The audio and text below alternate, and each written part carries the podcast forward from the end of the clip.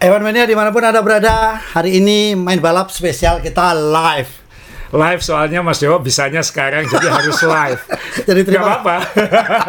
Dan kita mencoba live ini ya. Coba live. Nah, Dulu pernah live episode Iya. pertama. Iya. Terus uh, biasanya kita syuting bagi yang nggak tahu biasanya syuting pagi atau siang sebelum Iya. tayang. Iya. Jadi kita sempat nonton dulu malamnya, Iya. pagi pagi agak siang syuting, Iya. lalu sore tayang. Tapi hari ini kesibukan kita ini kan mulai setelah pandemi mulai kembali lagi. mulai ya. Jadi Mas Dewo, saya ada meeting nggak nggak apa-apa, kita live aja nanti gitu. Kalau nggak live kita geser nanti malam, kalau nggak besok pagi. Iya, dan Anda bisa bedakan antara saya live dan tidak pasti tidak lucu. Takut salah. Undang-undang ITE. ya, Asa ini ini balapan gila ya. Balapan ini gila ya. Saya saya itu semua orang membenci Max Verstappen, bacanya Max atau Max sih? Max. Max ya, Iya. Max Verstappen. Jadi semuanya membenci, tapi semalam itu udah dicoba dengan berbagai macam jenis hujan, tetap menang. Tetapi yang membuat uh, Max itu stres semuanya tidak tahu. Jadi ternyata stres uh, Max itu sangat stres ketika balapan di uh, negaranya, ya kan? Jadi dia udah sam- uh, sampaikan ke teknisi, yakin dah mobil kita aman, aman. Mau kok enggak, enggak. Kira-kira nanti uh, body mobil kita uh, hancur nggak? Max sabar ya, kita hanya dipasok mesinnya. Oh, oh iya. Jadi kalau kerangka enggak? Enggak. Alhamdulillah. Terus semalam kita baru tahu ya, eh, Perez satu, aduh Perez kamu harus menang. Kamu harus tunjukkan bahwa kamu itu memang berhak layak duduk di Red Bull. Iya. Waktu dia di undercut gimana? Marah kan? Iya. Saya di undercut, iya. Dia marah, marah-marah. Giliran terakhir dia undercut via dia diem 5 detik undercutnya. Padahal sama Max cuma 3 detik koma 5 ya kan saya. Nah, Iwan Mena semalam kita melihat bagaimana Max seorang Max seorang Max itu memang benar-benar maksimum walaupun hujan eh, Via sudah membuat mobil yang katanya lebih kompetitif. Ternyata manusia adalah manusia. Kalau kita bicara Tuhan semalam dibuktikan bahwa aerodina- aerodinamika yang katanya bisa salip-salipan nggak ada artinya. Tuhan hanya cuma mainin hujan kecil, hujan besar, hujan kecil, hujan besar. Nggak seru kan? Mas, saya mikir tadi malam kan sejak qualifying kan ada hujan, Ya. huj- ah, latihan Dan, hujan, ya. qualifying hujan, apa Ya. hujan kekering. Ya. Lomba ini sempat nggak ada ekspektasi tinggi bakal hujan. Ternyata hujan di awal dan hujan di akhir kayak Ya. gitu. Saya pikir ini maafin bercanda ya. Tuhan kayaknya juga udah bosen Max menang. Sehingga di- dikasih godaan siapa pole position Max hujan di awal. Iya. eh tetap mimpin. Padahal sembilan ya dia dari sembilan itu. Dia ya. kan di undercut Ya. uh, si Perez sudah Ya. sudah masuk duluan, sudah benar ya Perez sudah dikasih jalan ini. Iya, iya. Tapi kemudian Max masuk pit stop, habis itu dengan cepat maju ke depan lagi.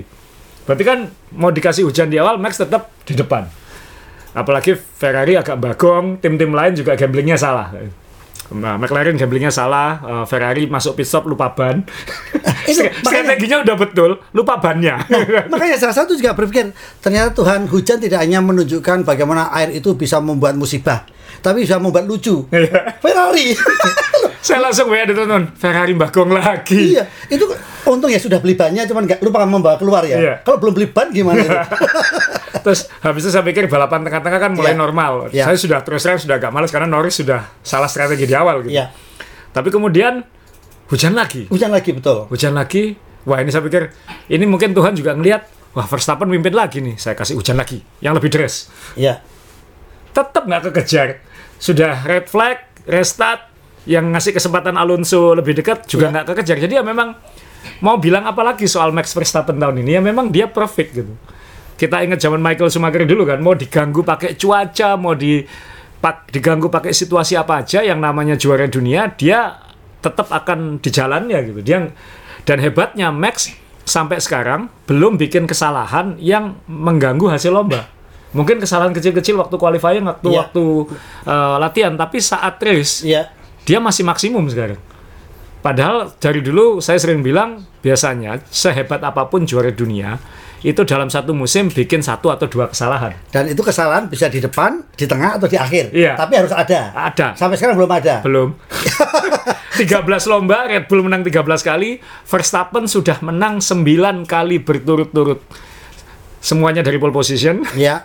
Sudah ada sprint race, sudah apa, hujan saat qualifying, tetap pole posisinya dia, tetap yang menang dia. Ya, nah, Sa, eh, sebelum kita kembali ke Pakem, tapi satu pertanyaan lagi karena ngomongin Max. Ya. Benarkah kalau mobil itu memang itu mau diciptakan untuk Max kok bukan untuk eh, Perez? Itu percaya gak sih kayak itu sa?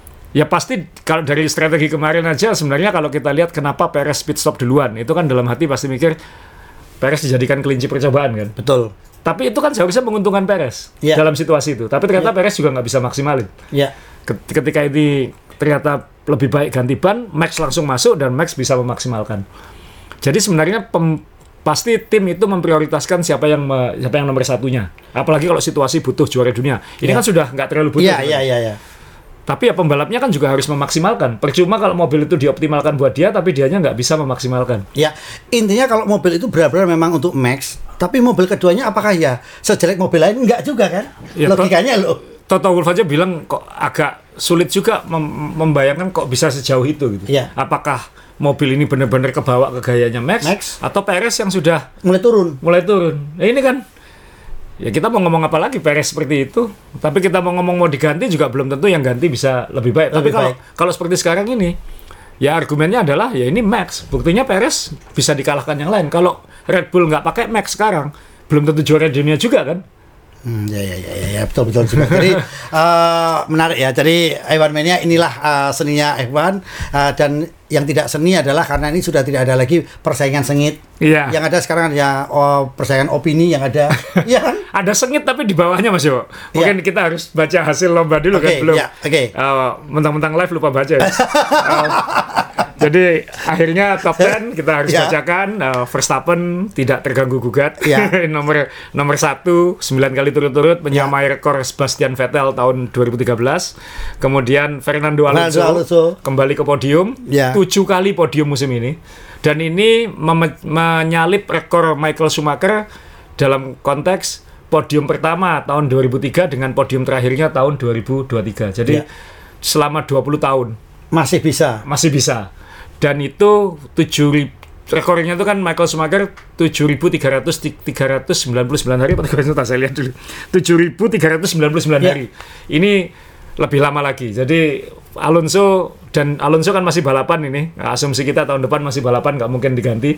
Jadi dia akan terus punya potensi mungkin mencatat rekor yang mungkin tidak akan dipecahkan sepanjang masa kecuali Max Verstappen nanti eh, balapan sampai umur 45 juga mungkin Iya, jadi intinya kan memang eh, Alonso ini juga menghancurkan anak mahkota juga. Iya. Putra mahkota dia dihancurkan sampai katanya mau pindah ke olahraga lain. Oh iya gosip Sempat- ya. Iya kan? Ke tenis katanya. Iya sempat saya sempat saya DM eh, Om Dewo gimana caranya gampang eh, bisa naik podium dengan mudah. Udah kamu jadi MC saya bilang gitu. Kalau dapat MC kan kalau Pa- kasih MC pasti kan, naik podium. Iya, naik podium kalau ada orderan gitu kan saya bilang gitu. Santai aja kamu gak usah tenis. Tenis itu olahraga yang saya ngenteni ngenes jadi lama saya bilang. ya, yang Ya, ketiga Nomor tiga Gasly. Wah ini Alpine bounce back setelah apa ya? Beran- bukan berantem tapi ada Berantakan. berantakan Manajemen. internal manajemennya rombak total Ya. Eh, tapi ternyata situasi membawa Gasly tetap bisa meraih podium padahal sempat kena penalti juga Ya. jadi ya salut bikin persaingan dengan McLaren nanti seru tapi ini lebih ke situasional ya Iya. eksekusi strateginya saat basah lebih pas daripada yang lain dan mungkin juga posisi start dan posisi sebagainya pada saat memang red flag dan sebagainya memang kondisinya posisinya bagus, bagus ya. Ya. Iya. Dan apesnya Perez karena harusnya nomor tiga ini Perez, tapi Perez ini juga tadi selain performanya juga kurang cepat, kok ya speeding di pit lane. Itu kan pembalap itu. Kalau speeding di pit lane itu pasti pembalap. Pasti bukan yang nyetir siapa, yang nekan tombol siapa, yang ngegas kebanyakan siapa. Jadi bukan tim yang salah ya, ini memang human error ya. Iya. Atau mungkin memang dia lebih seneng, eh, memang dia mungkin pembalap ya saya, di mana pun harus balapan gitu Iya. ya. Sekarang bayangkan, uh, Verstappen ini hanya menang 3,7 detik dari Alonso. Kalau kemarin yang speeding itu Verstappen, kan yang juara Alonso. Iya ya. Tapi yang speeding ya tetap Perez. Jadi kayak semua masalah dikasih satu pembalap yang ini perfect. itu Red Bull. Kemudian iya, iya, masuk, Sainz, masuk, masuk. Ya, ini yang Sainz. saya, saya takutkan dari Ferrari. Ferrari ini nggak jelek, tapi juga nggak menonjol. Dan sepanjang musim sudah seperti itu. Iya. Dengan bagong-bagongnya dan lain-lainnya. Iya.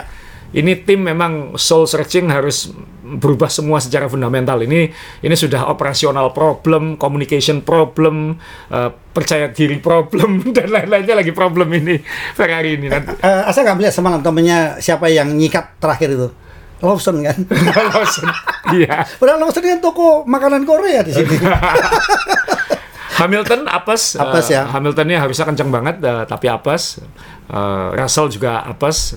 Norris. Norris, ah punya ekspektasi tinggi, mobilnya lagi bagus. Iya. Murni karena salah strategi di awal dia nggak masuk pit. Mungkin waktu itu se- sekilas strategi yang benar ya. Kan kalau cepet kering Norris yang diuntungkan. Iya. Tapi ternyata Enggak. Enggak. Jadi ya oh, hebat dia masih bisa nomor 7. Iya. Albon, luar Albon, biasa. Williams ya. ini sedang menemukan jalan yang baik. Uh, Piastri tetap dapat poin juga dan Ocon nambah poinnya Alpine. Jadi di Ya. balapan ini Alpine sedikit lebih unggul dari McLaren. Lalu kita lihat klasemen pembalap, nggak usah dilihat yang atas. Uh, Verstappen terlalu jauh, uh, Perez uh, 201 poin juga masih nomor 2. Alonso meninggalkan Hamilton lagi, Ya. kemarin hanya selisih satu, sekarang selisih 12. Sainz dan Leclerc nggak tahu ini. Makanya ini yang bilang nanggung itu. Eh, pelan enggak, cepat enggak. Iya. Ya ini.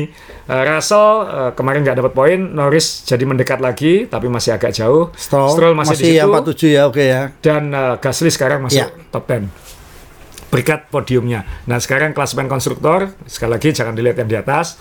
Terlalu jauh. Terlalu jauh dan double plus Iya. sama Mercedes. Eh, Aston Martin mendekat lagi, Iya.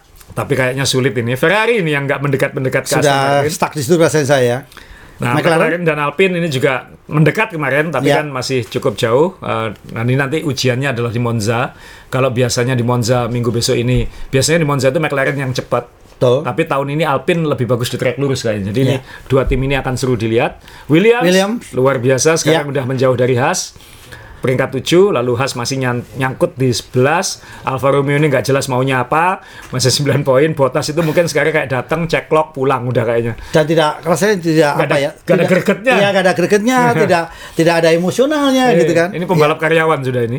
Eh, kemudian ya Alfa Tauri ini masih eh, ya ada Ricciardo nanti kita bahas Ricciardo eh, tangannya patah itu persis seperti yang saya pernah alami jadi nanti saya bisa jelaskan dikit Iya. sakitnya seperti apa. Kemudian ya ini peringkat bawahnya. Jadi kalau kita lihat kemarin eh, kita harus ngomongin hujan lagi karena ya itulah sudah dikasih hujan tetap yang menang sama. Bawahnya aja betul bawahnya Ya. aja hujan itu selalu membuat situasi lebih acak. Itu terjadi. Nomor satunya aja tetap sama. Jadi tim-tim itu kan punya radar ini ya. Ini Ya. ini Aston Martin kalau salah. Jadi dia ada radar yang melihat titik tengahnya ini sirkuit.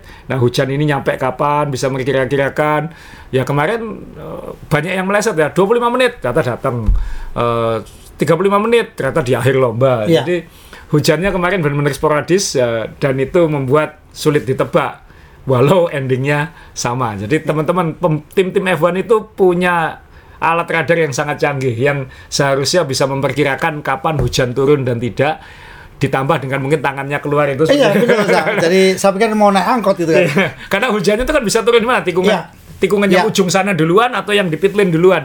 Nah. kan belum tahu gitu. Iya, inilah bedanya hujan di Belanda dengan di Indonesia. Sebenarnya pengen di Indonesia saja. Kan di Indonesia, aduh ada Pancasila, pasti ada ada ada pemerataan kan saya di mana keadilan kan. Sana kan nggak ada semalam. Nggak ada. Eh, Di sini deras, di sana tidak deras.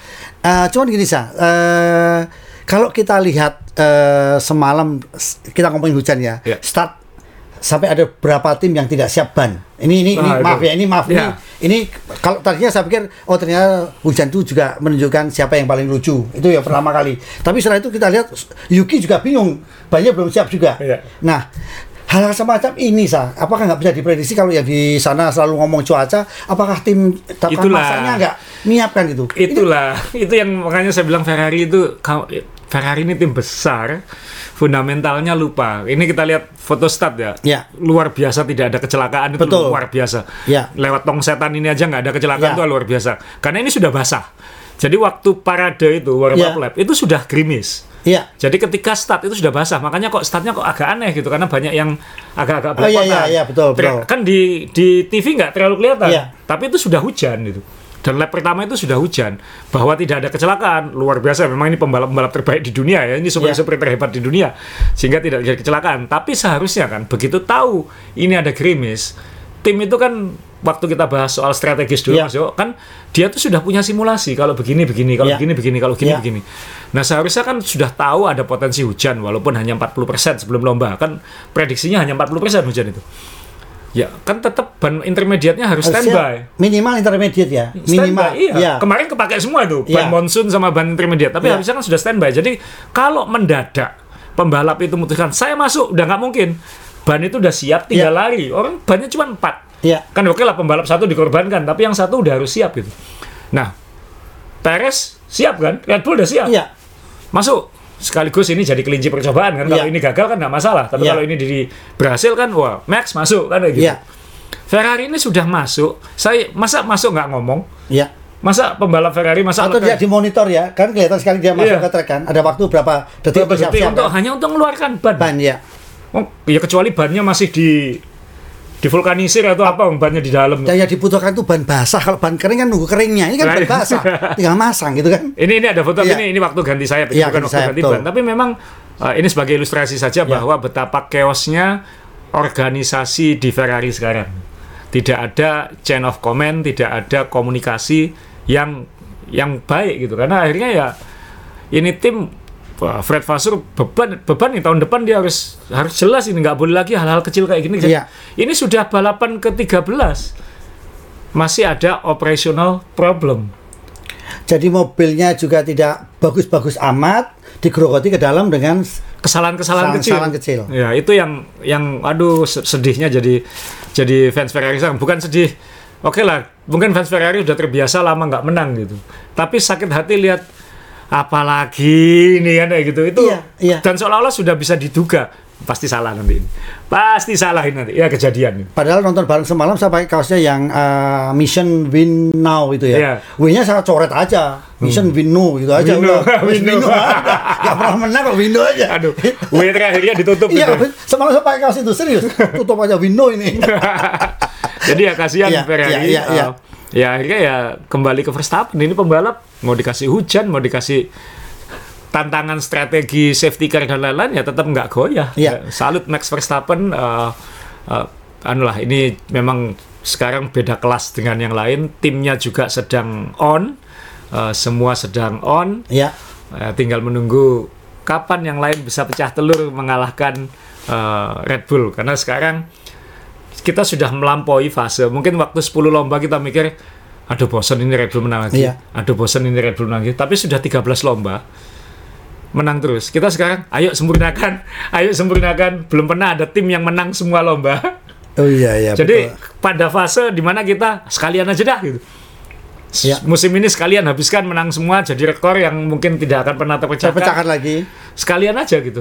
Ya. Salahnya yang lain kok. Ya, padahal kan segala cara sudah dilakukan untuk mengalahkan dia ya. Eh, termasuk udah kita liburkan sebulan siapa tahu dia lupa caranya menang gitu. Iya. Ternyata masih menang. Terus air masih di depan. Oh iya. Dikasih air lebih banyak masih di depan. Iya. Selesai. Ya. Nah, Sa, ini eh, kita bicara sebelum ke tim lain sirkuit Sa. Ya. Ini kan sirkuit ini ternyata juga menarik kayak Tongstan itu. Ya tong setan. Ya, Tongstan itu kan. Iya. Tapi juga punya korban. Asa tadi bilang ada yang patah tangannya. Ya ini saya pasang foto waktu Nah, babak latihan ini kalau Iya, nggak, iya. Dan kita baru tahu ternyata uh, Daniel ini tidak semuanya dari tulang, ada yang dari isaf sampai patah gitu kan dia isaf itu. nah, ini kenapa sa? Ini sirkuit ini menarik atau berbahaya memang dalam kondisi uh, saya termasuk suka sirkuit ini karena dilihat enak mas Yo. karena dilihatnya nggak nggak bosenin ya ada tong setannya jadi Iya. racing lainnya pembalap itu bisa macam-macam Oh, bisa iya, sa- iya, iya, bisa iya, saling iya. balas Iya. eh, pa- tidak bisa melarikan diri terlalu jauh jadi kayak nonton apa ya seperti nonton gokat itu semua bisa kita lihat saya dari dari tribun utama aja bisa melihat seberangnya kayak gitu itu kan bagus sekali menurut saya apa kayak natural teater gitu kelihatan semua Semuanya. dan ditonton di TV juga enak ya tong setan itu kan wow masuk yang mobil F1 bisa miring banking kayak gitu Iya, ini termasuk sirkuit yang lebar ya saya. Karena kalau kita lihat kan semalam tuh uh, racing lainnya kan agak beda-beda ya. Betul. Benar? Sebenarnya dibilang lebar banget enggak, tapi memang karakter banking itu kan bikin bikin orang bisa banyak jalur ya. Iya, iya, iya. Kayak Itu menarik juga ya. Sirkuit oval kan Iya. kenapa banking supaya bisa bersebelahan kayak gitu. Iya.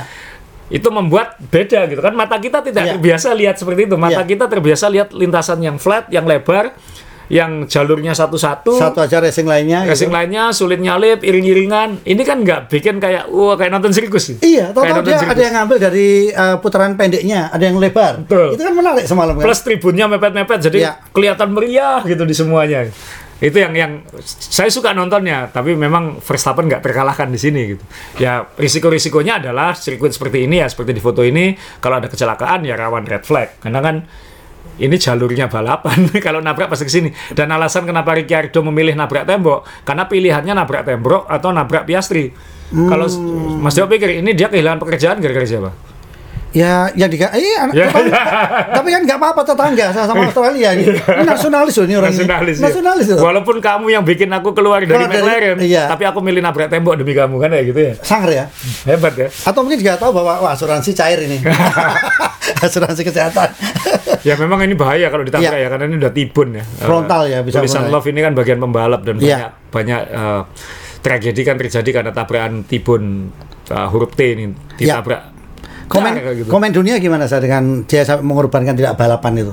Ah, saya kira ya pembalap apa pun dia kan pasti meminimalisir risiko Walaupun itu lawan. bukan hanya dirinya sendiri tapi juga sesama pembalap kan. Jadi respect sekali itu ya. Menurut saya ya. dan itu dia bilang ya saya milih tembok daripada nabrak nabrak dia itu itu harus diakui ini pembalap senior kan. Iya. Ricciardo kan pembalap senior walaupun akhirnya apes dia nggak bisa balapan lagi gitu. Oh ya. Jadi sekalian ke loncat ke dia aja Mas Dewa, Oke. sebelum yang lain karena Ricciardo kan kemudian eh, patah metakarpal. Ini foto dia waktu di seling tangannya.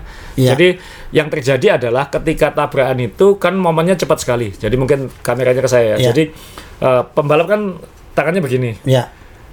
Kita sering melihat pembalap kalau tabrakan itu langsung tangannya langsung lepas begini. Oh. Itu bukan untuk melindungi badan karena badannya kan nggak bisa gerak. Iya. Itu untuk melindungi tangan juga. Kenapa? Karena handle setir ini kan goyang-goyang. goyang-goyang Ya. cepat sekali Ya. dan itu keras gitu. Ya. Itu bisa mematahkan tangan.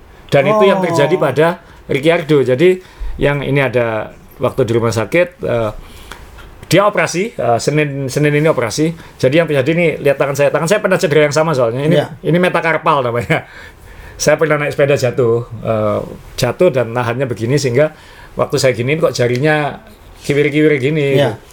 Tapi kok di sini nggak apa-apa gitu. Karena Ya. yang patah di sini metakarpal. Oh. Jadi yang dialami Ricardo itu dia tangan kiri ya, saya tangan kanan. Ini metakarpal. Nah, metakarpal ini kalau teman-teman tanya dia bisa balapan nggak di Monza? Kayaknya nggak bisa, tapi juga bisa. Karena saya jelaskan, waktu saya patah ini itu hari Selasa pagi. Iya. Saya patah ini. Ronsen confirm fraktur patah. Patah.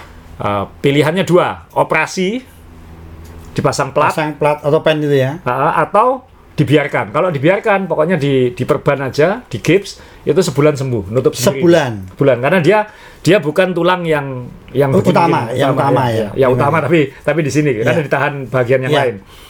Waktu itu saya putuskan karena waktu itu saya mau ke Taiwan, Ya. gini aja dok. Sekarang di gips, saya malam ini terbang ke Taiwan, saya Sabtu landing, Minggu aja operasi. Saya waktu itu kayak gitu. Jadi saya Selasa pagi kecelakaan, Ya. di gips. Selasa malam saya terbang ke Taiwan. Sabtu malam saya landing, langsung ke rumah sakit, opname, Minggu pagi operasi. Seninnya saya kembali ke dokter, dok ini bisa dilepas nggak? Bisa, dilepas. Saya boleh sepedaan, hati-hati. Selasa saya sudah sepedaan lagi. Hmm. Pegang sudah bisa pegang gini lagi, walaupun hati-hati. Jadi dibilang ini parah, bisa iya bisa enggak. Dan kalau yang dia alami itu metakarpal seperti itu, kalau yang dia lihat kayak kayaknya dia yang begini kan, yang disambung dua jari ini kan. Iya. Jadi berarti yang sebelah sini dia. Berarti Iya. yang sebelah punya saya ini. Nah itu berarti dia milih operasi hari Senin. Berarti sehari itu udah nggak apa-apa. Jadi mungkin asal itu diperban dengan baik, bisa saja dia balapan di Monza. Ya. Apalagi Monza bukan sirkuit yang butuh Banyak tikungan. banyak tikungan-tikungan, Iya. lebih banyak trek lurus. Jadi ya kita lihat nanti keputusannya Alfa Tauri seperti apa, apakah Daniel Ricciardo bisa balapan di Monza? Karena pengalaman saya pribadi, saya operasi hari Minggu, Selasa saya sudah bisa naik sepeda. Ya, Eh, teman-teman inilah eh, penjelasan dokter Asa kita di acara Halo Dok. Kalau anda sakit jangan berkata Halo Dok, nggak sembuh, tapi obatnya harus ditebus ya. Kalau sakit jangan bilang Halo Dok, tetap obatnya ditebus biar sembuh ya. Oke, jadi kemungkinan dia masih bisa balapan. Harusnya bisa, tapi Ya. kita lihat nanti keputusan. Kan kasihan Lawson juga kemarin dia nggak adil dia. Ini penggantinya Liam Lawson, dia Selandia Baru. Ya, Dia ini harus turun latihan eh, praktis 3 hari Sabtu, Ya. hujan. Kemudian langsung qualifying yang hujan kering. Jadi Ya. lap kering pertamanya Liam Lawson ini adalah saat parade menuju grid. Itu lap kering pertamanya dia. Ya. Kan kasihan. ya, Jadi dia belum pernah dapat proper kesempatan untuk eh, debut di F1. Walaupun spektakuler, dia finish nomor 13 di depan Yuki Tsunoda. ya. Dan yang menarik lagi adalah tidak melakukan kesalahan di debut pertama. Ini yang Betul, penting, ya kan? betul, betul. Jadi faktor lucknya orang ini juga tinggi rasanya. Kalau enggak ya sangat hati-hati Ya. eh, dan dia sudah bilang tujuan saya hanya ingin finish eh, dan itu berhasil dia lakukan bahkan finish di depan Yuki Tsunoda. Depannya lakrek juga ya. Depannya ya Leclerc. Langsung masuk pit stop dia. mohon maaf penggemar Ferrari ya. Ya.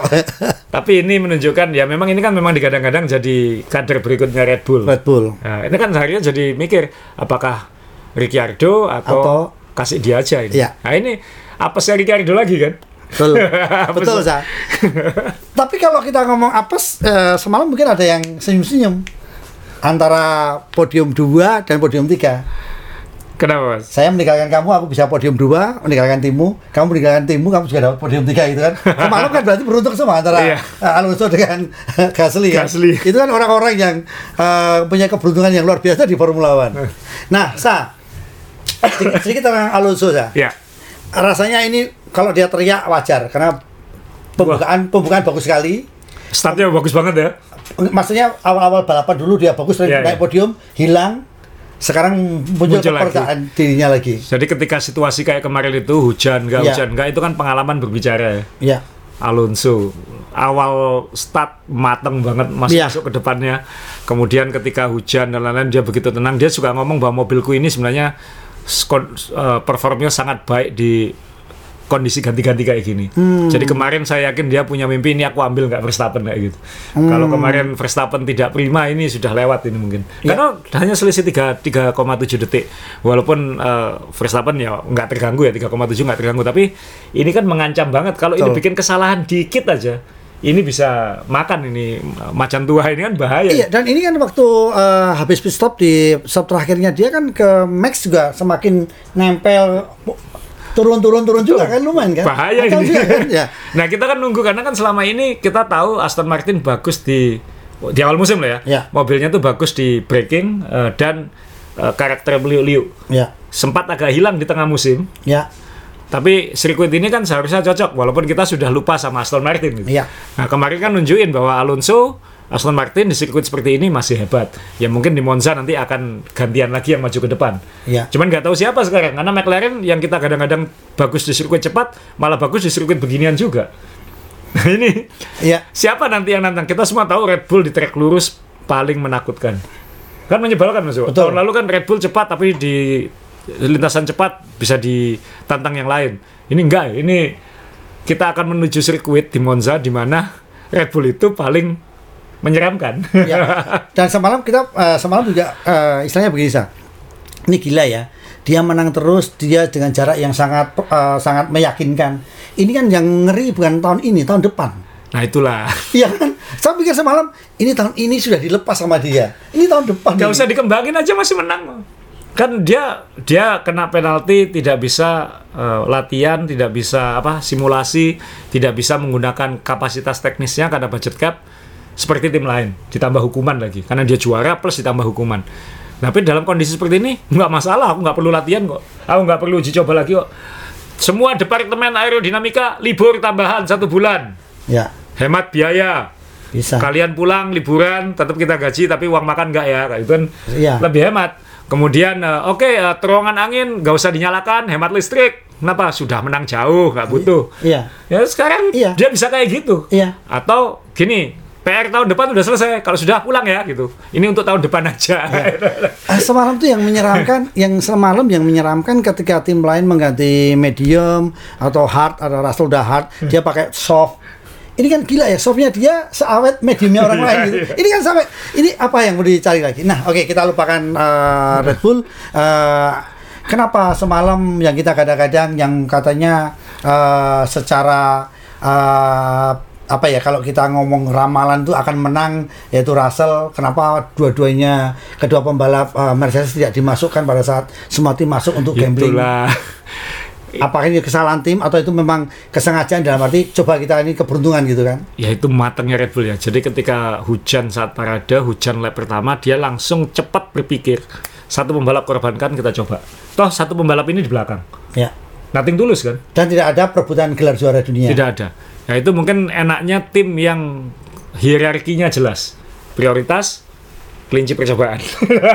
Intinya ada satu komando yang itu memang Tegas. ke bawah tegas. Tegas. Ya, ya. Nah, saya bisa bayangin, kan tadi malam tuh ada dua tim yang sebenarnya. Ferrari sudah pit stop, Man, pit stopnya aja bagong. Ya. Ferrari sudah agak betul itu. Ya. Decision makingnya sudah agak betul, cuman eksekusinya berantakan. Mer- Mercedes ini kan nanggung semua. Dia tidak, ti- ti- ini siapa yang mau kita prioritaskan? Ini setara. McLaren juga gitu. Antara Norris dengan eh, Piastri. Piastri juga relatif setara. Jadi tidak mungkin mengorbankan satu. Tanda kutip tidak mungkin kita Dalam posisi yang memang untuk memutuskan sulit gitu. sulit ya. Maksudnya tidak bisa instan korbankan, gitu nggak Ya, bisa. ya, ya. Mungkin itu yang terjadi. Akhirnya apa? eh, McLaren dan eh, Mercedes sama-sama nanggung keputusannya. Padahal mungkin kalau mau Gambling. kejem sedikit, Iya. Siapa yang di depan itu yang dibantu, yang di belakang korbankan. Situasi kayak gini daripada dua-duanya hilang. Iya. Ini kalau satu dikorbankan kan salah satu bisa dapat gitu. Bisa yang di belakang yang dapat atau di depan yang dapat. Seperti Red Bull, Perez sempat dikorbankan tapi Perez sempat mimpin. Tinggal bagaimana Cara dia mengembangkan ya. Iya. Perez bagaimana mengembangkan Bagaimana setelah itu gitu Iya, kan? toh waktu itu kan memang Max yang um, grogoti terus dengan cepat. Berarti kan memang ya siapa yang salah kita nggak tahu, Iya, juga, ya. tahu juga. Tapi kalau Mercedes ini kan kalau seandainya Russell masuk duluan, Bisa jadi ceritanya bisa lain bisa ya. lain. Pokoknya gini lah, nggak usah Russell atau Hamilton. Siapa yang di belakang? Iya. Siapa yang di belakang masukkan duluan. Atau kalau memang yang depan minta kasih yang depan. Oke. Salah satu Salah satu. harus dikorbankan. Apalagi situasi lap 1-2 kan jaraknya belum jauh-jauh mas. Iya. Jadi misalnya seandainya oke lah Norris kamu yang masuk ya, tapi aku di depan ya nggak apa-apa kita coba kan, toh nggak jauh-jauh amat gitu. Daripada kelamaan muter jaraknya makin jauh Semakin makin jauh, jauh, ya. Betul, betul, makin betul, sulit betul. bikin strategi. Iya, iya. Nah ini yang Red Bull itu kayak dapat apa ya? visi jelas ya, jalannya itu jelas di depan. Iya. Oh mau menggok ke sana. Oh yang lain tuh kayak kabut semua ini kita harus ngapain? Iya, iya, iya, iya, iya. Aduh. Jadi anu ya saya, jadi ya kalau asalkan IO, saya juga IO. Ini kan kalau kita ngomongin IO itu kan nggak ada anu kan, nggak ada apa SOP-nya tataran 1 2 3 harus ini nggak ada kan. Ada. Harus luas. di lapangan kan. Harus luas, Harus ya. luas di lapangan Iya, kan. iya. Nah, ini kan lo sama kan? Harus luas kan? Harus Siapa yang luas. duluan, harus ganti apa, harus ganti apa kan? last minute ada kejadian apa kita harus ngapain Uh, yang penting endingnya harus seperti ini kan kayak gitu Zul. Iya. nah ini Oke. yang ini uh, kita harus ngomongin Williams William, juga. oke, sah. karena apa pun ini uh, tim yang paling mengejutkan buat saya dan merusak, uh, Merusak suasana, tatanan, suasana ya. ya. Jadi kalau pada saat kita udah ah, max lagi, enggak juga kita masih punya harapan, Iya. ya kan? nah ini tim yang enaknya mendukung tim papan bawah itu ketika dia dapat poin itu kita sudah seneng Iya. Nah Williams ini termasuk yang mengejutkan karena walaupun jelas-jelas dia bilang mobilku ini dibuat efisien di trek lurus, tapi belakangan di sirkuit-sirkuit berkelok-kelok dia cepat. Termasuk di Zandvoort. Sanford ya. Dan ini Albon sekarang udah naik kelas lagi, image-nya sudah bagus banget, eh, sudah mulai jadi omongan layak naik ke tim yang lebih tinggi juga. Ambil satu lagi. Ambil satu lagi. Jadi ini baik buat Albon eh, dan dia sudah menunjukkan juga dan catatan Monza nanti Williams bisa lebih mengancam karena mobil ini trek lurusnya kencang banget. Sa, eh, Asa bilang eh, mengatakan Albon. Sementara kalau kita lihat partnernya, Sargent juga bagus.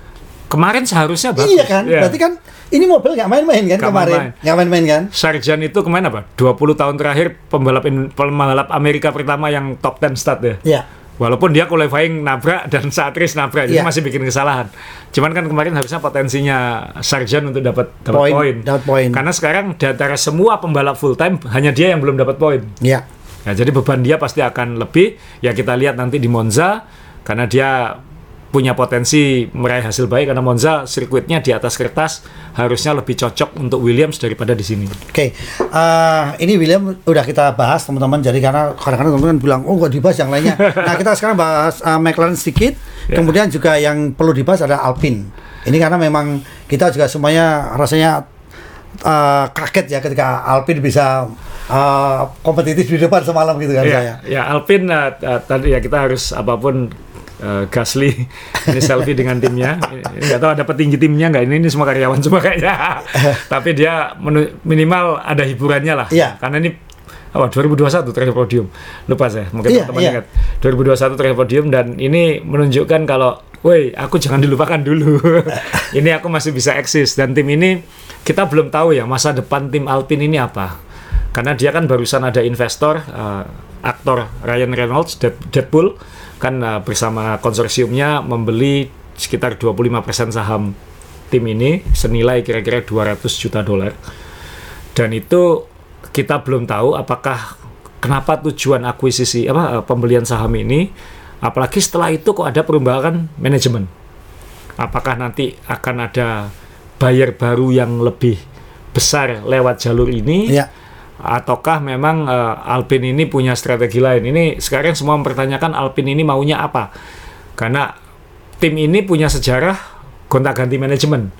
Walaupun ini kan Renault ya, Renault itu kan juara dunia, kemudian eh, dijual, dibeli lagi, kayak gitu-gitu lah. Dia timnya sama terus, pabriknya sama terus, orang-orangnya sama terus, tapi pemiliknya nih berkali-kali ganti. Hmm. Walaupun menggunakan nama yang mirip-mirip. gitu. Mirip ya. Nah ini Alpine ini kan brand di bawah Renault. Nah Renault ini buk, sela- se- saat juara dunia pun dikenal bukan sebagai pabrikan yang mau jor-joran di F1. Ya. Sel- kalau dianggap terlalu mahal dia nggak akan melakukan.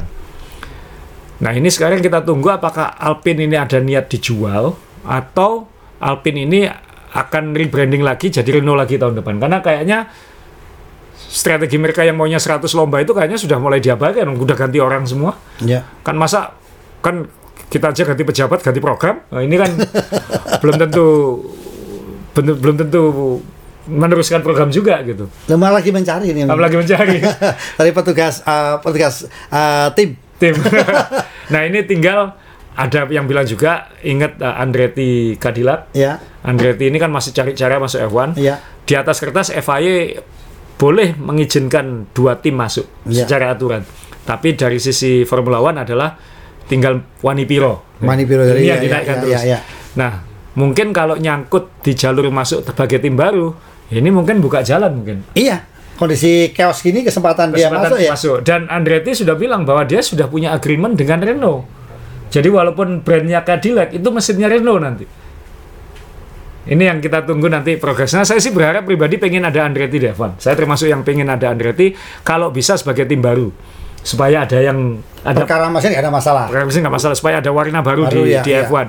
Nah, tapi Alpine ini kayaknya gejolaknya menarik untuk diikuti karena jangan-jangan ini Andretti nanti. Ya, kita lihat perkembangannya seperti apa. Ya. Karena regulasi baru kan juga masih 2026. Ya, walaupun semalam juga bukan jadi tolok ukur bahwa Alpine kuat belum tentu ya. Belum tentu. kondisi- Situasional, ya. Situasional. ya. Situasional, Dan situasional. memang secara strategi tim oke. Oke. Semalam oke, ya kan? Tim ini kan secara operasional oke Mas Dewa. Maksudnya dari dulu ini tim punya punya gen juara dunia ini. Ya.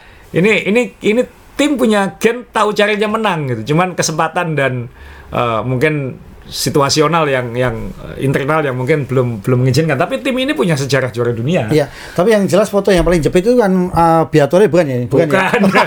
Saya sempat mikir juga masa Flavio kan Flavio kan, kan dihukum seumur hidup ya.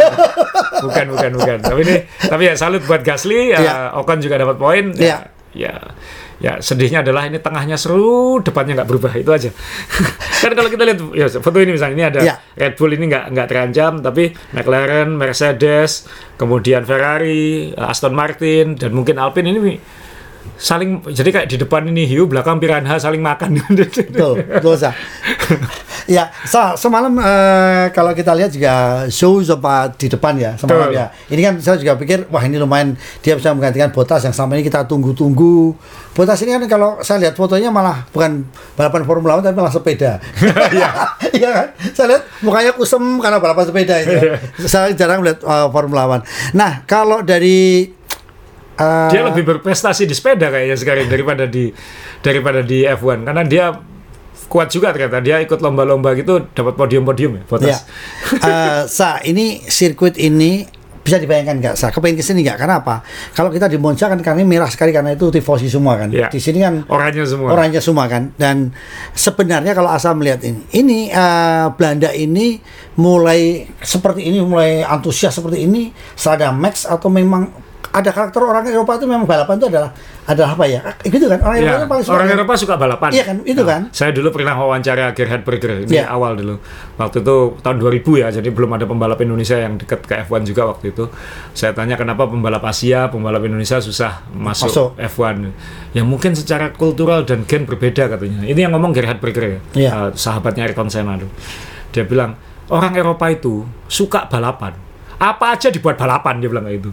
Lari balapan, sepeda balapan, kuda balapan, kemudian truk balapan. Jadi apa saja yang bisa dibuat balapan, dibalapkan gitu. Itu Eropa katanya. Sepeda motor balapan. Jadi memang gennya suka balapan. Ya mungkin di Asia lebih suka bela diri misalnya. Iya. Karena Eropa nggak jago bela diri dia bilang kayak gitu. Oh, iya, Jadi iya. mungkin ada seperti itu. Tapi yang jelas eh, bahwa orang Eropa suka balapan, iya. Belanda ya mungkin suka F1 tapi dengan masuknya Max Verstappen ini manianya jadi Luar biasa. Seperti dulu Spanyol waktu Alonso hebat. Seperti Jerman waktu era Sumi. Sekarang Jerman nggak punya balapan. Nggak ada bintang. Iya, iya, iya, iya, iya. Nah ini ya pasti popularitas itu mungkin ada tapi mungkin di bawah di bawah radar. Ketika ada satu bintang yang mencuat langsung meledak semua. Iya. Eh, semalam semalam kita yang nonton di atas sofa aja, duduk di atas sofa aja udah ada bosen. Ya. Lihat penonton sampai malam kan luar biasa kan. Ini Ya, itulah. hujan, red flag, iya kan? Mereka Dan itu aneh loh ya karena kan tujuh lap loh, ini tinggal tujuh lap loh. ketika matahari muncul kan panas itu kan. Iya. Panas tapi pakai jas hujan. Jadi Iya. cuacanya ganti-ganti terus. Iya. Nggak tahu mungkin efek alkohol kayaknya. Karena, karena sebelum start kemarin saya juga sempat pusing bu, musiknya techno kayak gitu. Iya, iya, iya betul. Joget-joget sampai Marcel juga joget. Wah, ini suasananya party banget di sini. Iya, Dan karena- saya bisa main ini pasti seru banget di sana. Dan ini mu- musik yang paling pas balapannya ada di Soundford ini karena apa? Tekno karena ini memang balapan teknologi kan. Jadi dia pinter itu. Nah, sa kita ke sebelum kita tutup, saya ini kita pengen ngobrol khas Alfa Tauri sakit apa mereka? Ya ini saya nggak ada fotonya sih ya, se- adanya ya Alfa Tauri dengan Liam Iya. lah ya. Iya. Alfa Romeo. Sakit apa mereka? Karena tahun lalu kan mereka sempat nyolong-nyolong menang, dapat poin. Saya pengen kontak Mas, kita pengen kontak Mas Tepi Mas. Nanya. Cuman kan mungkin situasi kayak gini pasti tim itu pasti sangat eh, hati-hati. Iya. Eh, yang jelas Alfa Romeo kita tahu ini transisi karena tahun depan kayaknya sudah bukan nama Alfa Romeo, dia sudah mulai transisi ke Audi itu. Audi. Uh, jadi kita nggak tahu brand Alfa Romeo nanti pindah ke mana, jangan-jangan ke Haas uh, atau mungkin ke Alfa Tauri karena Alfa Tauri udah bilang tahun depan namanya bukan Alfa Tauri. Ada gosip namanya jadi Hugo Boss, uh, ada gosip namanya jadi merek lain atau apa kita belum tahu. Uh, kita yang jelas uh, dua dua tim yang saya tampilkan ini yang yang satu sebenarnya yang atas Alfa Romeo ini udah jelas ini kan Sauber ya. Iya. Eh, ini Sauber yang di rebranding Alfa Romeo. Kita tahu lah ini tahun 2026 akan jadi Audi. Jadi dia senang sedang masa transisi. Transisi. Masa transisi itu berarti penghematan total atau apa kita nggak tahu. Iya. Nah, tinggal nanti eh, tahun depan dia bentuknya seperti apa. Yang jelas makin Audi makin lama. Alfa Tauri ini kita akan sangat tunggu karena ini juga salah satu tim yang punya potensi kalau mau sebenarnya bisa dijual kan Red Bull nggak butuh dua tim gitu. Iya. Nah, tapi kan kayaknya nggak dijual. Nah, ini mau, Investasi aja dia ya ini ya. ya ini mau jadi apa nanti? Ini kita kita tunggu Ya. juga. Jadi kalau dibilang ada apa, itu lebih mendalam lagi. Mau ke mana? Itu kan kan ada apa itu kan mau ke mana mas? Iya. Ini maunya ke mana? Kalau maunya masih belum jelas ya di dalamnya pasti ya biasa-biasa aja, nggak perlu nggak ada ambisi, nggak ada apa. Yang penting aman, yang penting kerja, yang penting aman. Mungkin kayak gitu aja. Nah ini kita tunggu nanti eh, dua tim ini ke depan seperti apa. Termasuk juga Alpine dalam konteks ini ya. Kalau khas jelas ya sudah tetap akan bertahan dulu Ya, ya. Haas kan miliknya Jin Haas dan Ya. dia nggak akan ke mana-mana. Mana? Tinggal nanti dan tim ini kan strateginya gampang. Pokoknya kita nempel Ferrari aja. Ferrari punya apa itu yang kita pakai. itu aja itu itu Haas. itu udah itu tim paling pragmatis dari semua lah. Itu paling gampang itu. Iya, tapi aku nggak ambisi juara. Pokoknya aku eksis. Aku nggak rugi-rugi amat. eh, dan Ferrari ngapain aku ngikut aja gitu. Dan itu memang kalau bisa bertahan berarti kan memang Formula One yang asal bilang bahwa ini pembagian rezekinya memang sangat semakin membaik. Jadi orang Sudah sangat baik ini ya ya. jadi kan dia aja dapat duit itu kan. Iya.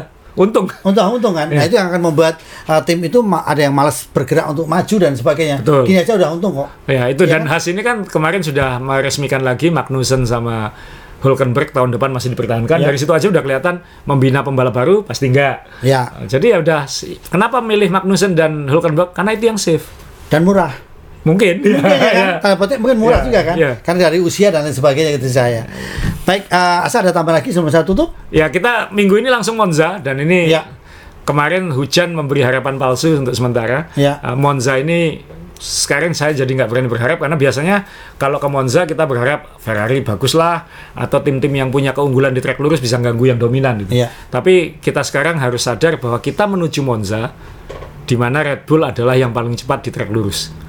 Silakan interpretasikan sendiri ya.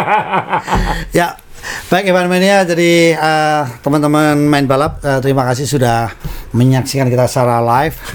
Mohon maaf kalau ada hal yang kurang berkenan, tapi memang saatnya komen-komen teman-teman juga bisa kita bacakan tambah seru lagi. Ya ini bisa pengembangan. dah. Tadi teman-teman Ya. juga ngomong nanti mau Ya. dibacakan uh, komentar nggak kan? Ya. Mungkin masih kaget kok hari ini live. Mungkin next time kalau kita ada yang live lagi mungkin bisa kita kembangkan. Jadi bisa dialog. Ya kayak Mas Dewo zaman radio lagi nanti.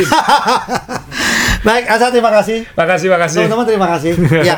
eh, teman-teman sekali lagi terima kasih jaga kesehatan, kemudian jangan lupa olahraga karena kita harus tetap hidup sehat karena saat ini kan memang sedang ada polusi dan kalau teman-teman mau buka bisnis silakan bisa, eh, bisa buka bisnis laundry udara ya kan lumayan. Sampai ketemu dan salam.